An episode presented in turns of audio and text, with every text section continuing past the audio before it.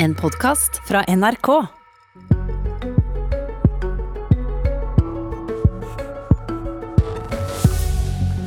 En skal aldri sette seg sjøl og sin egen karriere framfor partiet og fellesskapet. Det er en av de viktigste verdiene for dagens gjest. Men kan partilojalitet også bli et problem, spør vi Martin Kolberg. God morgen og velkommen hit, Martin Kolberg. Tusen takk for det. Takk, og takk. kommentator og forfatter Hege Ulstein. Takk. Det er Ulstein som har ført i pennen Kolbergs politiske biografi, som blir gitt ut i bokform i dag. Kolberg har aldri vært statsråd eller partileder. Likevel blir han regna som en mann med stor politisk innflyting. Han har sittet helt sentralt i norsk politikk, på Arbeiderpartiets partikontor, i regjeringsapparatet, på Stortinget i nesten 50 år. Har du, Martin Kolberg, kunnet gjøre det så lenge nettopp fordi du setter lojalitet så høyt? Ja, jeg tror det. Men lojalitet kan, er egentlig bare en positiv og viktig ting. Fordi det går alltid grenser i politikken for hvor mye du kan oppføre deg individuelt. Og for et kollektivt parti som Arbeiderpartiet, som bygger på den kollektive sosialdemokratiske tenkningen, så er det veldig viktig at man holder lojalitetsfanen høyt. Og ikke setter seg selv foran partiet. Er det et skille i politikken da, mellom de som setter partiet og fellesskap først, og de som prioriterer si- nei, seg sjøl? Jeg, jeg vil ikke gå så langt som å si det, for jeg syns ikke det er så fremtredende verken i Arbeiderpartiet eller andre steder at individualismen har tatt over i norsk politikk. Det syns jeg faktisk ikke. Mm. Men eh, det er viktig med lojalitet. Men jeg har ikke følt den lojaliteten som et problem for min egen politiske utfoldelse eller egen politiske utvikling. Jeg føler at jeg har fått lov til å si eller sagt hva jeg har ment nesten ved alle korsveier. Men noen ganger så er det selvfølgelig nødvendig å ta hensyn til partiet og sette partiet først. Fordi den kollektive kraften er helt avgjørende for sosialdemokratiet. Vi fortalte i NRK i går om hvordan du reagerte etter valget i 2017, da du ble eh, tilsidesatt fra det du trodde skulle være en fortsatt framskutt posisjon på Stortinget som leder i kontrollkomiteen, til en mer usynlig post, egentlig, i utenrikskomiteen. Du kasta meg på bålet, sa du til Støre. Hva var så ille? Nei, det var Dette er noe som har, er inni meg, eh, og eh, denne sterke ordbruken må ses på eh, i lys av det. Fordi at det som har, jeg jo har båret på i 25 år på det tidspunktet, var jo det som skjedde mellom Torbjørn og meg. Torbjørn Jagland. Torbjørn Jagland, ja. Og da var det jo det som var på en måte den sterke følelsen av at han kasta meg på bålet.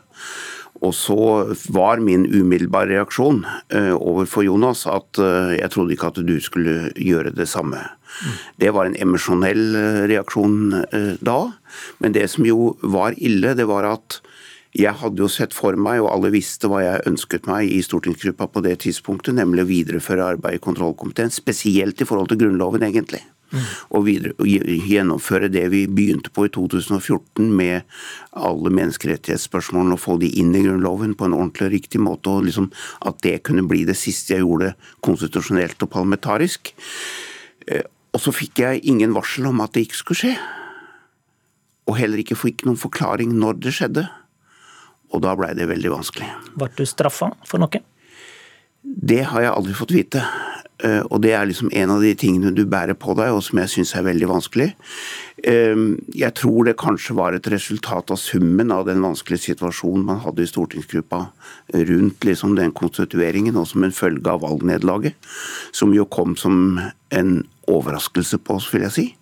Og som uh, lammet oss i første fase, fordi vi jo trodde at vi skulle greie å fjerne en høyreregjering etter fire år. Men klarte det altså ikke. Og det førte til en stemning som nok var vanskelig å håndtere, også for ledelsen. Men allikevel så ble det veldig vrient for meg, dette. og det er derfor jeg sier det. eh, Hvordan syns du ledelsen håndterte det, da? Nei, du tenker på da konstitueringen spesielt? Nei, altså det er veldig vanskelig for en hvilken som helst ledelse, og jeg har sittet i den ledelsen, så jeg vet hva dette er for noe. Uh, nemlig vanskelig å få alle kavaler til å gå sammen, men det er veldig vanskelig at man konsponderer sine synspunkter med de det gjelder. Og uh, som jeg sa til NRK i går, og som jeg gjentar nå, det vanskeligste er når du ikke får en ordentlig forklaring. At du ikke blir snakket med. Og det ble jeg ikke. Og eh, det gjorde at jeg i den situasjonen faktisk mistet veldig mye kraft og energi, og uh, ikke fikk gjort det jeg alltid har lyst til å gjøre, nemlig å beskytte partiet, arbeide for partiet og være i linja, slik at jeg kan være nyttig. Hvis lojalitet er idealet, bør en ikke bare akseptere slikt, da? Jeg gjorde jo også det, jeg aksepterte jo, men jeg hadde, har behov for i en biografi mm. å skrive om denne hendelsen, selv om i det store perspektivet blir en hendelse som ikke er avgjørende for hva jeg har gjort og hva jeg ikke har gjort. Men allikevel så er det jo slik at det prega de siste fire åra av mitt politiske virke i aktiv politikk. da. Eh, på en sånn måte at det ville være veldig uriktig å gå forbi det. Og jeg syns Hege har satt ord på det på en måte som er veldig fint. Dette var i tida med uro i stortingsgruppa da flere ble omplasserte. Noen måneder etter så sprakk Giske-saka med skuldinger om seksuell trakassering. Lenge før du visste noe om det, var du skeptisk til Giske fordi du opplevde at han satte seg sjøl foran partiet.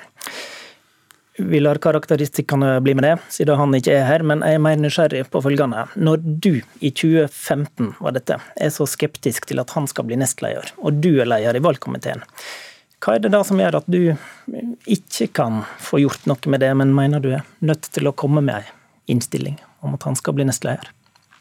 Fordi at det var et en stort flertall i partiet som ønska at Trond Giske skulle få den jobben. Eh, og eh, LO stilte seg bak det. Det var formodentlig Det ble jo aldri noe votering i valgkomiteen om det, men det var et tror jeg ganske bestemt et flertall i valgkomiteen som mente at dette skulle, at Trond skulle bli nestleder. Det ble sagt fra tydeligere, lurte jeg på. Hva? Kunne du sagt fra tydeligere? Ja, men altså det eh, Jeg vil ikke kommentere hva man sier og ikke sier sånn sett internt. Men, men eh, det var, var, Jeg sa ifra, snakket med Jonas om dette. Jonas var ikke enig med meg, han heller. Og da var egentlig den saken avgjort på det grunnlaget. Og da må også en leder i en valgkomité bøye seg for det, og det gjorde jeg. Og jeg innstilte uh, Trond. Uh, og uh, satset på at det skulle gå fint.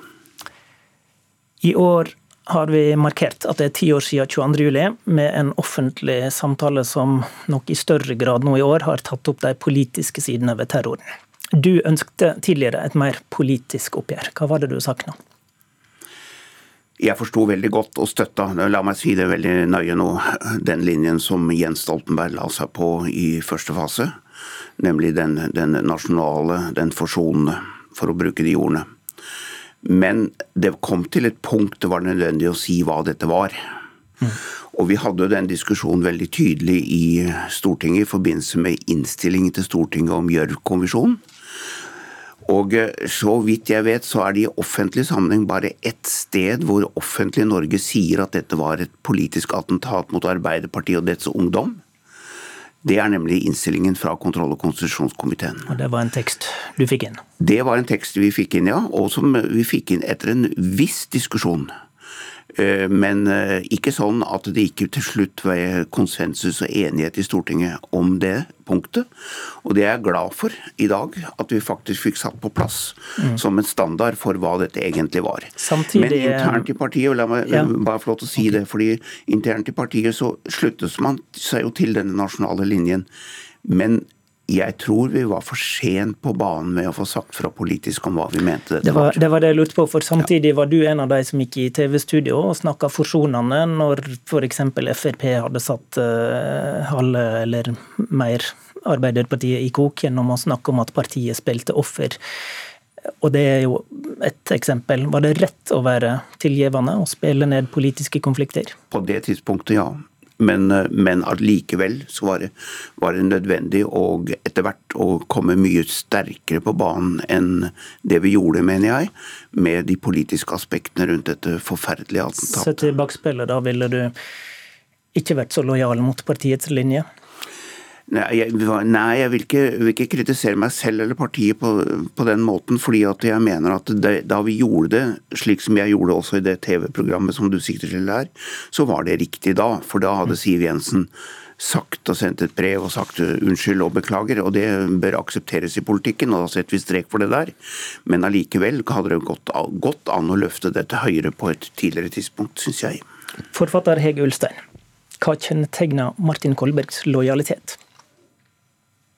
Jeg tror at eh, vi kan eh, gå tilbake til tidlig 70-tall for å finne starten på hvordan han forholder seg til eh, det, det balansepunktet som vi snakker om her, med lojalitet til partiet og, og, det å stå for egne meninger og ha egen integritet på vegne av de verdiene. Martin Kolberg var jo som veldig ung politiker ansatt i AIK, altså den eh, organisasjonen som jobbet for at Norge skulle si nei til norsk eh, medlemskap i EF. Samtidig som han steg i gradene i et parti som jo satte regjeringsmakten på spill for å få Norge inn i EF. Og det som skjedde var jo at Martin Kolbergs syn vant fram eh, i, under folkeavstemningen. Det ble nei til EF. Og det han sto for i den situasjonen etter den seieren da, sier ganske mye om, om, hvordan han tenker. For det Buskerud AUF gjorde, og Buskerud AIK gjorde, det var at de la ned seg selv umiddelbart. Da sa de at nå er denne kampen over, vi har vunnet. Nå, vi, nå er tiden inne for å samle partiet og gå videre. Mens f.eks. i Oslo så brukte de jo dette nettverket på en måte som, eh, som fortsatte å jobbe mot den offisielle linja. Og det, det der mønsteret kan du se igjen hos Kolberg opp gjennom årene i, i, i flere situasjoner. At han går ut og sier det han mener. Han kan være mot partilinja i tunge saker som skatt, innvandring, asylbarn, den type ting. Sier ifra, men når han kommer til et punkt, så sier han at nå har jeg sagt fra, nå er vi der, og nå går vi videre sammen. Og han har stått på venstresida politisk. Har han hatt gjennomslag? Ja, jeg tror at Martin Kolberg har vært av veldig, veldig stor betydning for Arbeiderpartiet i mange tunge saker. Eh, jeg vil trekke fram særlig forarbeidet til det rød-grønne samarbeidet på begynnelsen av 2000-tallet. Mm hvor han eh, reiste land og strand rundt i Arbeiderpartiet for å samle både LO og partiet bak eh, et den gang veldig kontroversielt standpunkt, å ta SV inn i regjering. og For mange var det også vanskelig å, å samarbeide med Senterpartiet. Mm. Og Det var et, et, tålmodig hverdagsarbeid i politikken. Og er selvfølgelig også dette med fagbevegelsen, som han har eh, vært veldig nøye med å plassere sentralt i partiet konsekvent. Vi tar, vi tar det stikkordet videre, Kolberg. Mange vil huske deg for at du sto på talerstolen på landsmøtet og sa Fagbevegelsen, fagbevegelsen, fagbevegelsen. Nettopp. Er det din politiske arv? Det håper jeg virkelig. Jeg har eh, sagt høytidelig ved en del andre anledninger, og gjentar her gjerne nå, at uten fagbevegelsen er vi intet i sosialdemokratiet. Og Det handler jo om hvor partiet skal plassere seg. Er Ap på rett politisk kurs nå? Nå, ja. Eh, jeg mener at utviklingen etter 2017 har vært eh, veldig riktig. Hva gikk galt i 2017-valget, da? Fordi man uh, la seg for mye i midten, for å si det veldig folkelig og veldig enkelt nå. Vi hadde i perioden før, altså 13-17-perioden, inngått altfor mange kompromisser med høyreregjeringen, som visket ut vår politiske profil. Og som bidro til at folk ikke kjente seg igjen, som vi hørte i valgkampen overalt i 2017. Og det, eh, Da har jeg lyst til å benytte anledningen til å gjenta noe som til, må tilhøre den sosialdemokratiske filosofi. Og det er at du skal aldri sette taktikk foran politikk. Eh, det kan andre partier drive med, det kan ikke sosialdemokratiske partier drive med. Men skatt Skattepolitikken f.eks. er jo ikke så mye mer radikal nå enn i 17. eller er innvandringspolitikken så mye mer liberal. Dog er det nå en, en, en, profil på skattepolitikken som er tydelig annerledes enn høyreregjeringen spesielt innenfor formuesbeskatningen, som er veldig uh, symbolsk og faktisk viktig. Så uh, jeg er fornøyd med hvordan man er plassert der når det gjelder skatt, og jeg er fornøyd med den politiske plattformen som vi har hatt. Det som kommer til å bli framtidsprøven, det er at uh, vi, um, når vi kommer fram til neste jul, for å si det sånn, kan si til hverandre at det er en tydelig sentrum-venstre-regjering vi har, og ikke en sentrumsregjering vi har. Det kommer til å bli den store prøven for oss, med tanke på sosialdemokratiets posisjon i Norge for framtida. Takk for at du var gjest i Politisk kvarter, Martin Kolberg, og takk til deg, Hege Ulstein. Programleder i dag var Håvard Grønli. Du har hørt en podkast fra NRK. Hør flere podkaster og din NRK-kanal i appen NRK Radio.